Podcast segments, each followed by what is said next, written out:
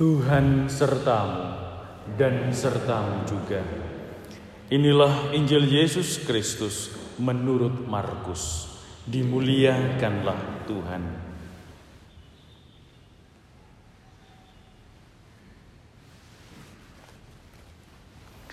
Pada suatu hari datanglah kepada Yesus beberapa, beberapa orang Saduki yang berpendapat bahwa tidak ada kebangkitan.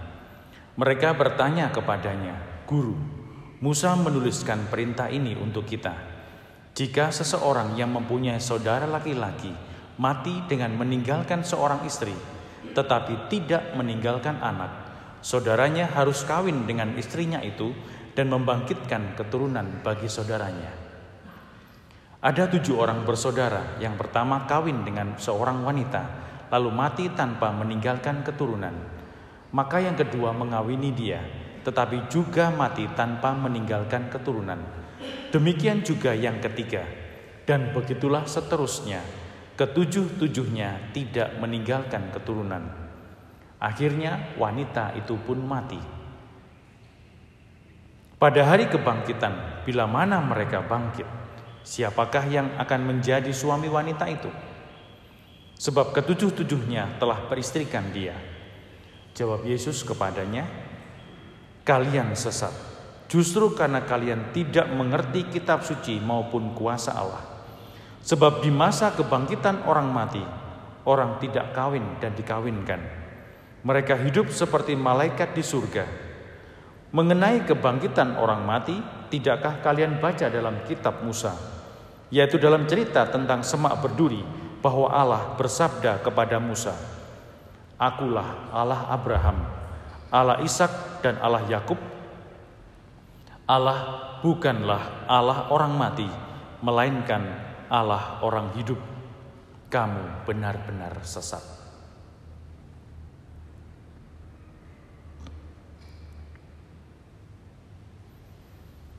Demikianlah Injil Tuhan, terpujilah Kristus.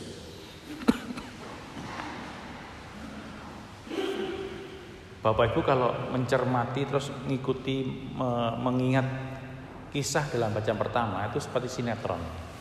Ini kan kisahnya Tobit. Tobit itu yang bapaknya itu yang buta. Dia tidak buta sejak awal, tapi tiba-tiba dia nggak bisa melihat bintik putih tambah lama tambah gede, putih semua. Dia nggak bisa lihat apa-apa. Anaknya namanya Tobia. Tobit ini mengeluh, tadi kan dua hari kita baca tuh mengeluh. Kenapa Tuhan aku kok kau beri pengalaman ini? Kita bisa merenungkan, apakah kita juga mengeluh hal yang sama? Tobit mengeluh, kenapa? Karena dia sungguh percaya bahwa Tuhan tuh menyertai dia, Tuhan memberkati dia.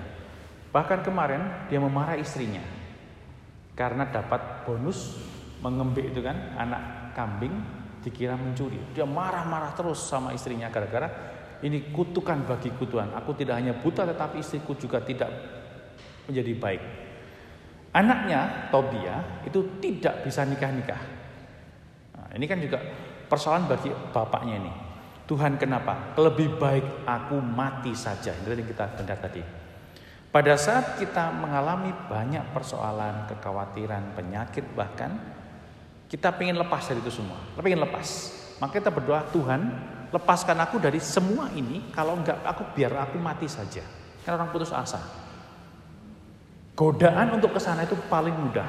Karena itu untuk dicabut, lepas gitu loh.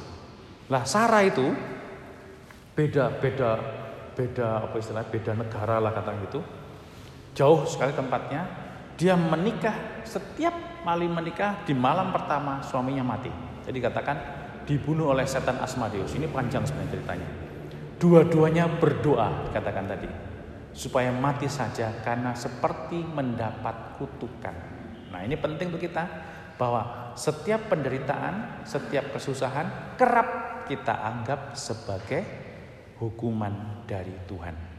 Kutukan. Nah, berdoa putus asa. Maka Tuhan mendengarkan ke keluh kesah mereka, lalu disembuhkan. Sarah menjadi istrinya Tobia, disuruh jemput Tobia. Mereka Kenapa nggak mati Tobia? Karena pada malam pertama mereka berdoa. Kalau memang ini kehendakmu Tuhan, biarlah kami bersama. Nah itu terus akhirnya sembuh, tidak jadi mati. Para saudara terkasih, kerap kali apa yang kita alami demikian mencekam hidup kita, lalu kita lupa untuk berbuat sesuatu, berbuat yang baik, berbuat yang benar. Kita demikian tersiksa harus mulai galau, kalau kan galau, udah mulai galau, mulai gizi, gak jelas hidupnya wis. Ke sana lupa, dan aku mau ngapain ya lupa wis. Duh mau balik lagi.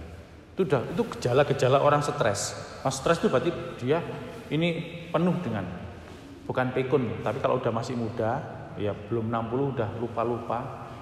Masuk dari luar masuk. Tadi mau ngapa ya? Wah, ini ini ini seperti orang komputer hang gitu loh HP itu terlalu banyak fotonya, ribuan, hang. Ini kenapa kok nggak bisa disimpan? Ya karena terlalu banyak. Maka kita perlu belajar memberi. Nah, berbuat kasih itu memberi. Memberi itu mengosongkan hidup kita. Lalu bisa menerima banyak persoalan. Memberi lagi, kurang lagi, luas lagi. Nah, karena itu para saudara kasih, Injil ini juga sama. Injil ini soal berbuat kasih. Seorang wanita Israel yang tidak punya anak, dia tidak punya penghasilan. Dia tidak dapat hidup. Maka saudara-saudaranya harus membangkitkan keturunan dari keluarga ini. Supaya bisa hidup di mata masyarakat yang lain. Maka tidak bisa dikatakan hanya sekedar soal menikah. Tetapi soal kehidupan. Maka para saudara kasih kita perlu belajar satu, menyadari apa yang sedang kita alami. Stres ya stres. Tadi itu gejalanya tadi. Kalau udah mulai lupa-lupa, wah berarti aku ini hang ini. Terlalu penuh nih. Kalau HP itu mulai lemot, dipencet A, tunggu satu dua detik baru A-nya muncul. Nah itu, nah ini berarti lemot ini. Ada sesuatu yang perlu di reset. Resetnya dengan cara memberi kepada orang lain, berbuat kasih kepada orang lain.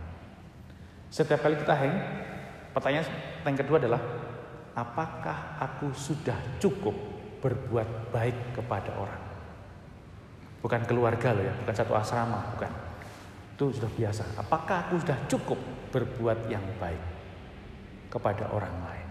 Kalau belum, mungkin ini caraku untuk memberi ruang lebih luas yang kosong untuk diberikan kepada orang lain.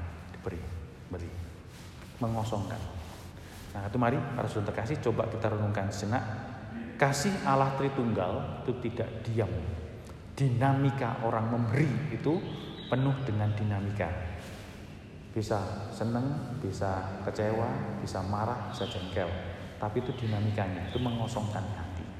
Nah, coba kita renungkan sejenak sejauh mana hari-hari kita kita penuhi dengan perbuatan-perbuatan yang berdampak pada orang lain yang mengosongkan hidup kita sehingga kita siap menerima banyak pengalaman yang mungkin cukup berat harus kita jalani setiap hari.